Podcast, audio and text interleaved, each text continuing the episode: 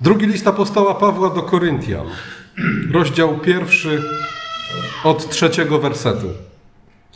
Błogosławiony Bóg i Ojciec Pana naszego Jezusa Chrystusa, Ojciec miłosierdzia i Bóg wszelkiej pociechy, ten, który nas pociesza w każdym naszym utrapieniu, byśmy sami mogli pocieszać tych, co są w jakiejkolwiek udręce, pociechą, której doznajemy od Boga. Każdy człowiek potrzebuje pociechy. Dlaczego? Ponieważ wszyscy znosimy różnego rodzaju utrapienia. Czasem to jest choroba, czasem śmierć bliskiej osoby, czasem wojna. Zwykle jednak te udręki i utrapienia są bardziej prozaiczne. Różnego rodzaju niepowodzenia w życiu, w pracy, problemy rodzinne, problemy wychowawcze z dziećmi, a czasem cierpimy nawet, wydawałoby się, bez konkretnego powodu. Każdy psycholog wie, że nawet urojone problemy mogą powodować prawdziwe cierpienia. Generalnie wszyscy różnego rodzaju utrapienia, różnego rodzaju uciski, różnego rodzaju troski przeżywamy.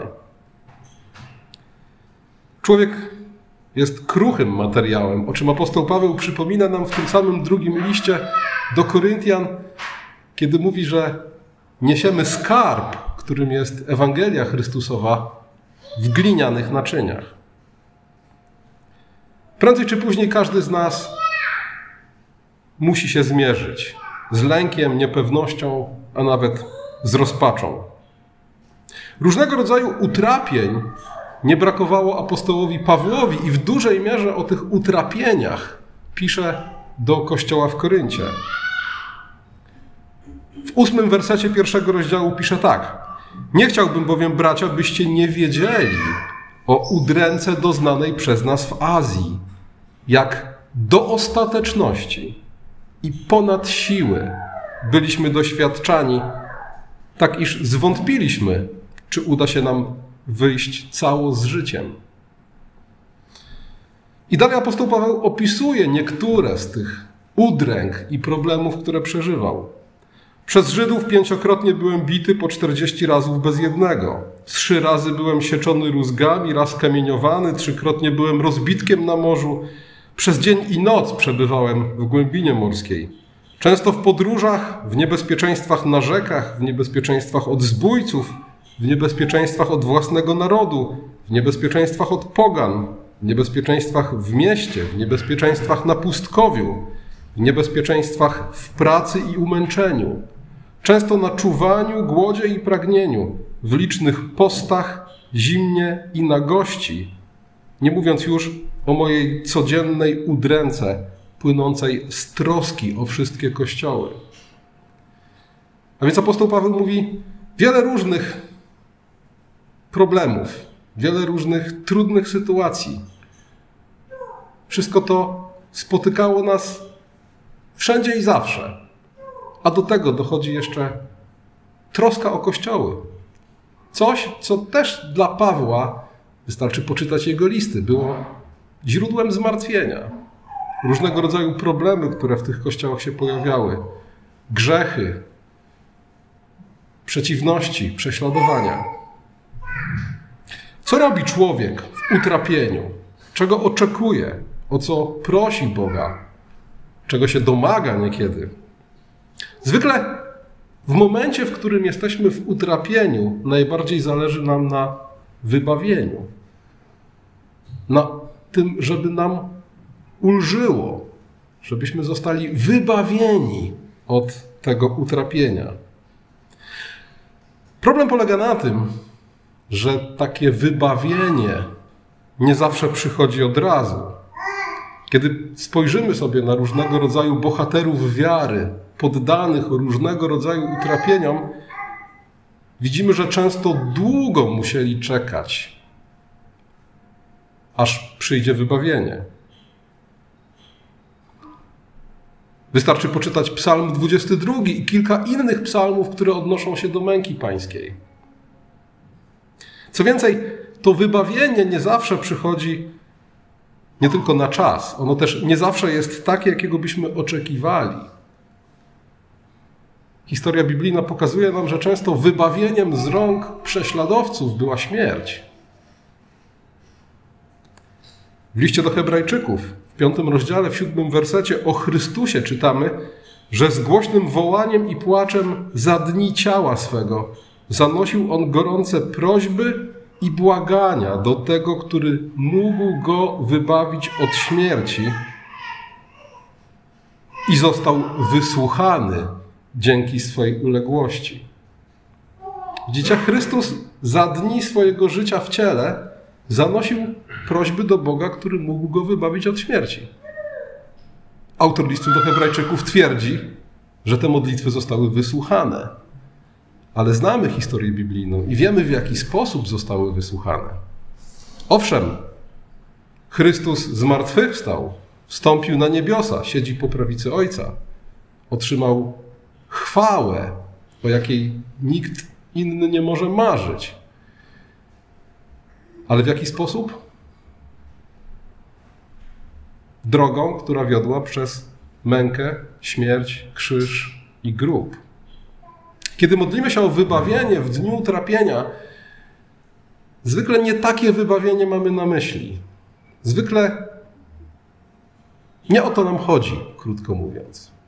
Raczej oczekiwalibyśmy, pragnęlibyśmy natychmiastowej ulgi. I często niestety tej natychmiastowej ulgi szukamy, nie tam, gdzie powinniśmy. Taki jest mechanizm różnego rodzaju uzależnień. Szukanie natychmiastowej ulgi w utrapieniu.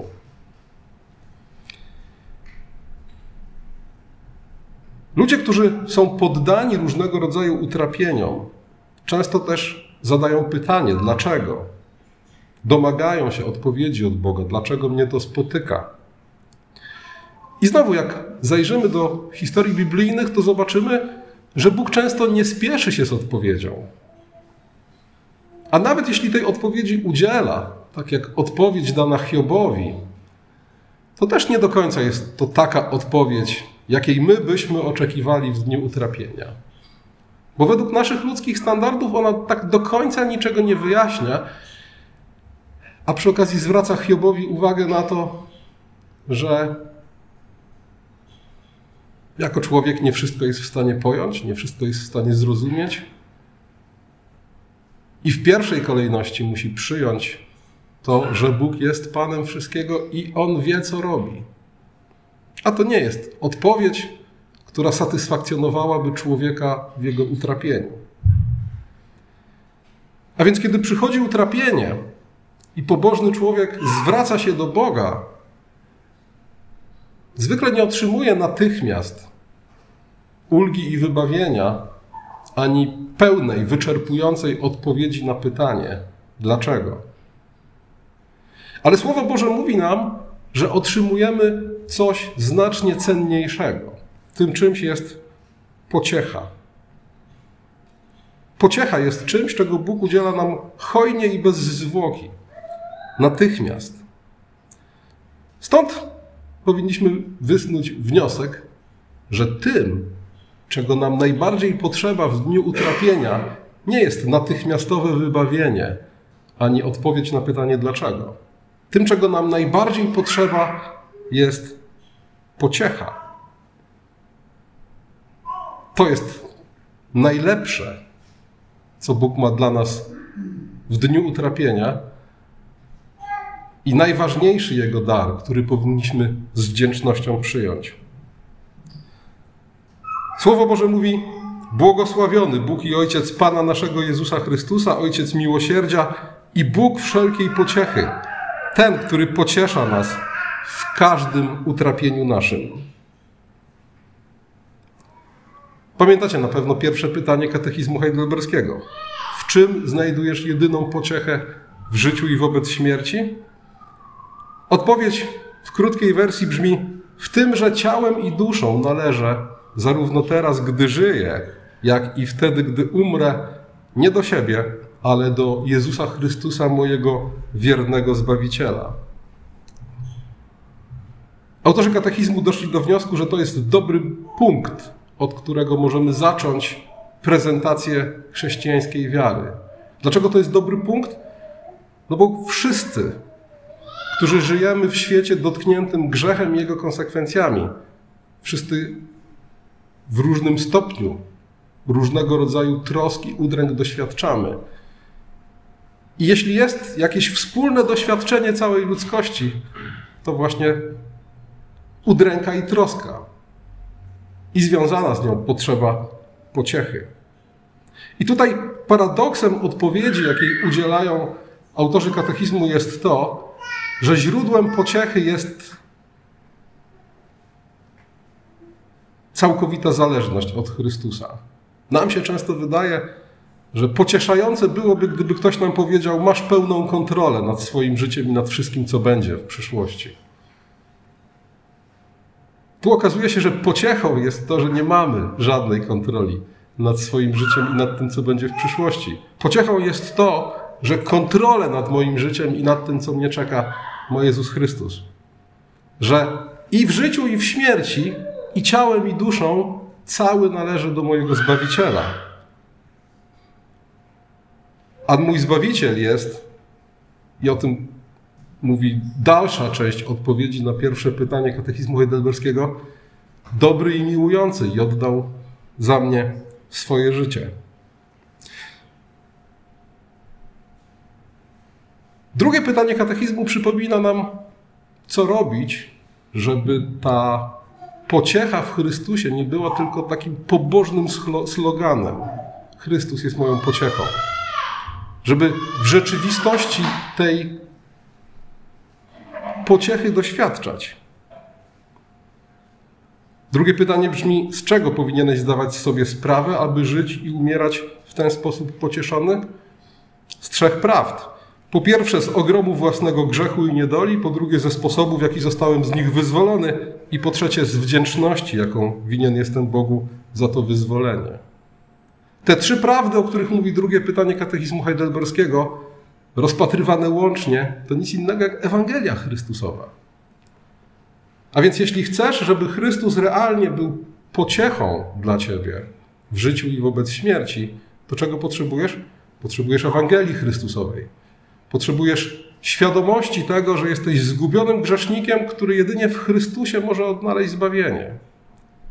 Potrzebujesz świadomości tego, jakie spustoszenie grzech poczynił w Twoim życiu i dokąd grzech zaprowadziłby Cię, gdyby nie Chrystus prosto do piekła.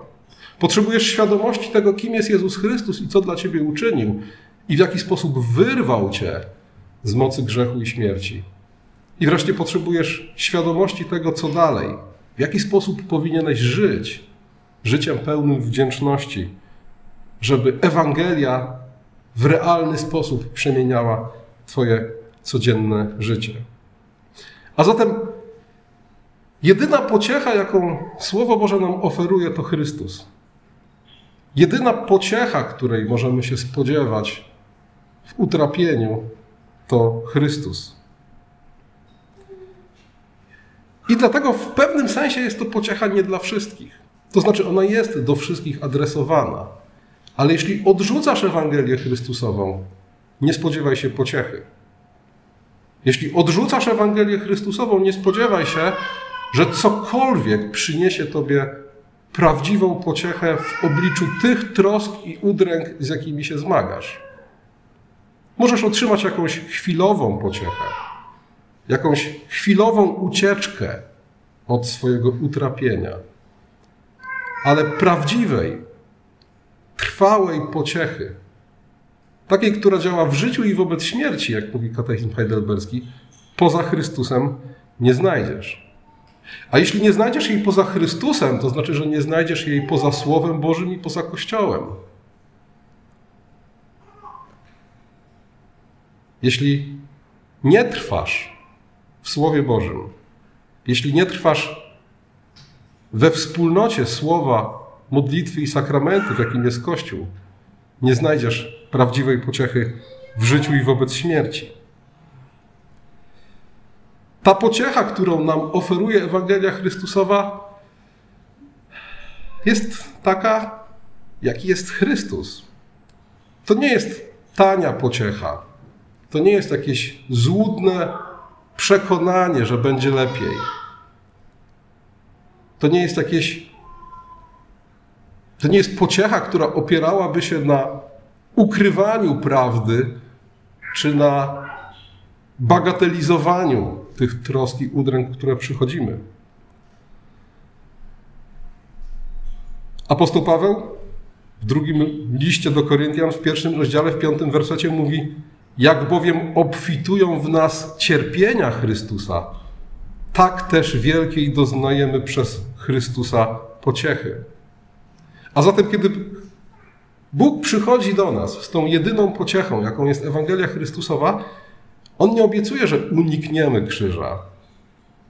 On mówi tylko, im bardziej odczuwasz w swoim życiu krzyż Chrystusowy, tym bardziej możesz być pewien, że tak jak z Chrystusem cierpisz, tak w Chrystusie doznasz pociechy. Pociecha, którą Bóg nam oferuje, przychodzi nie wtedy, kiedy już jest po wszystkim. Nie wtedy, kiedy już można powiedzieć, najgorsze za nami, teraz już z górki, teraz już będzie dobrze. Teksty, które dzisiaj czytaliśmy z księgi Izajasza, czy to na początku, w introicie, we wstępie do nabożeństwa, czy to później w czytaniu z księgi Izajasza, mówią o pocieszeniu, jakie Bóg daje Jerozolimie. Ta pociecha jest oczywiście związana z doświadczeniem, przez które Jerozolima przechodzi, doświadczeniem sądu, sąd z powodu grzechu.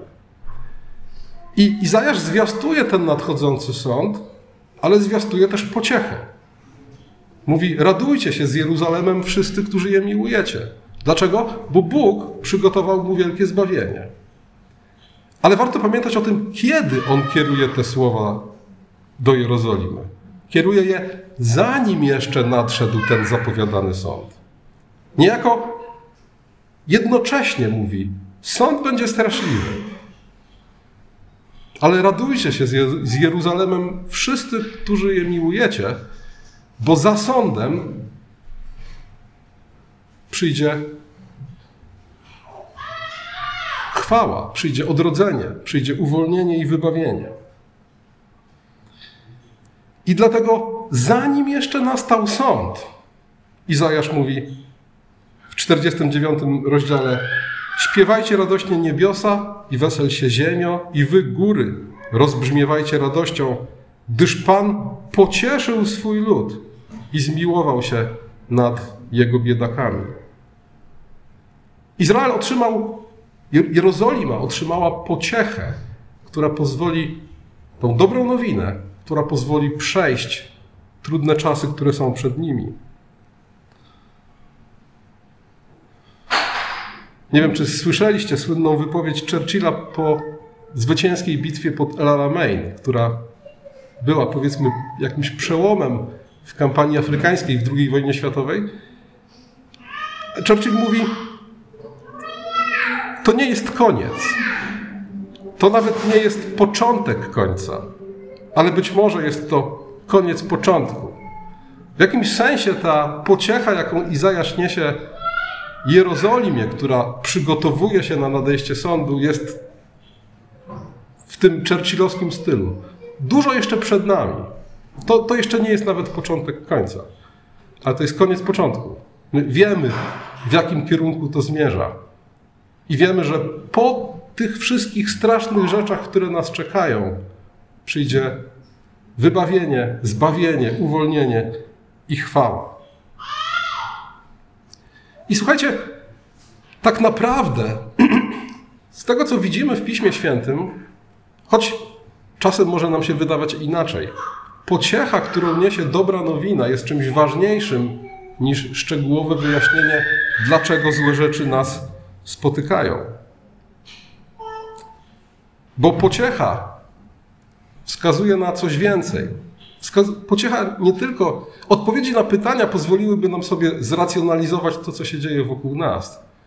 Pociecha, która wypływa z dobrej nowiny, pozwala nam zupełnie inaczej spojrzeć w przyszłość. Bo o tym też musimy pamiętać. Pociecha, którą Bóg daje nam w Chrystusie, zawsze ma charakter eschatologiczny. Zawsze Ewangelia Chrystusowa wskazuje nam na to, że utrapienia teraźniejsze, jak apostoł Paweł mówi w liście do Rzymian, są niczym w porównaniu z chwałą, która ma się objawić. I co więcej, że Bóg z tymi, których miłuje, współdziała we wszystkim dla ich dobra. A więc te utrapienia są niczym wobec chwały, które ma się pojawić, a co więcej, te utrapienia są w jakimś sensie instrumentem, w jakimś sensie narzędziem, za pomocą którego Bóg przyprowadza nas i przygotowuje do chwały, którą dla nas przeznaczył. W tym sensie Ewangelia Chrystusowa nie lekceważy i nie umniejsza wszystkich trosk, prób, utrapień, przez które przechodzimy, tylko wskazuje nam odpowiednie proporcje. Na to, że chwała, której oczekujemy, jest znacznie większa.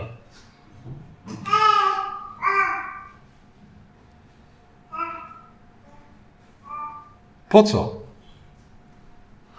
Do czego służy nam dzisiaj pociecha w Chrystusie oprócz oczekiwania z nadzieją na wybawienie, które nadejdzie w przyszłości? Apostoł Paweł mówi tak. On, czyli Bóg, pociesza nas w każdym naszym utrapieniu, byśmy sami mogli pocieszać tych, co są w jakiejkolwiek udręce pociechą, której doznajemy od Boga. I to jest, moi drodzy, tak naprawdę chyba najważniejsze przesłanie tego Pawłowego tekstu na dzisiaj. Apostoł Paweł przypomina nam o tym, że Bóg w trudnych sytuacjach zsyła nam pociechę i że tą jedyną prawdziwą pociechą jest Chrystus. Przypomina nam w ten sposób o rzeczy, która powinna być dla nas oczywista. Oczywiste powinno być dla nas, że tylko Ewangelia Chrystusowa niesie prawdziwą i trwałą pociechę w życiu i wobec śmierci. Ale idziemy krok dalej. Co w związku z tym?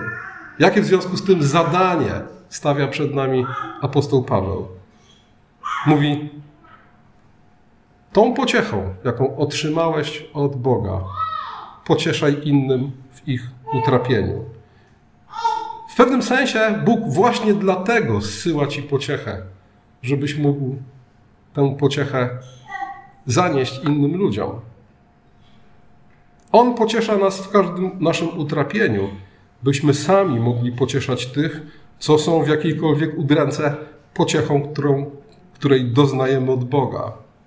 A więc jeśli widzisz człowieka, który jest przygnieciony swoim życiem, różnego rodzaju udrękami, Niezależnie od tego, skąd one się biorą, niezależnie od tego, jak poważne w moich, Twoich oczach są przyczyny tych udręk, możesz i powinieneś zanieść mu dobrą nowinę o Chrystusie. Bo to jest to, czego on potrzebuje, nawet jeśli sobie z tego nie zdaje sprawy. Dobra nowina o Chrystusie jest jedyną pociechą, prawdziwą pociechą, jakiej może w życiu i wobec śmierci doznać. Oczywiście Słowo Boże mówi nam, w jaki sposób powinniśmy nieść Ewangelię Chrystusową. Słowo Boże mówi nam, że jeśli niesiemy Ewangelię na przykład komuś, kto jest głodny, spragniony i pozbawiony dachu nad głową, to gdybyśmy mu powiedzieli, Jezus Cię kocha i tak go zostawili, to to nie byłaby żadna dobra nowina o Chrystusie. To jest jasne, że w tej sytuacji trzeba zadbać, pomóc w tych jego najbardziej bieżących potrzebach i wtedy opowiedzieć mu o zbawieniu w Chrystusie. Apostoł Piotr mówi, że nawet w pewnym sensie, w pewnych sytuacjach zbyt wiele słów może być przeszkodą dla Ewangelii. Mówi to konkretnie w kontekście żon, które mają niewierzących mężów. I mówi: Więcej jesteście w stanie dla ich zbawienia uczynić dobrym przykładem swojego świętego i pobożnego życia. A zatem, kiedy mówię, że każdy człowiek potrzebujący, niezależnie od tego, w jakiej trosce i udręce się znajduje, potrzebuje przede wszystkim Chrystusa, to mówię to w tym kontekście, że tego Chrystusa trzeba zanieść mądrze i adekwatnie do sytuacji, w jakiej ta osoba się znajduje.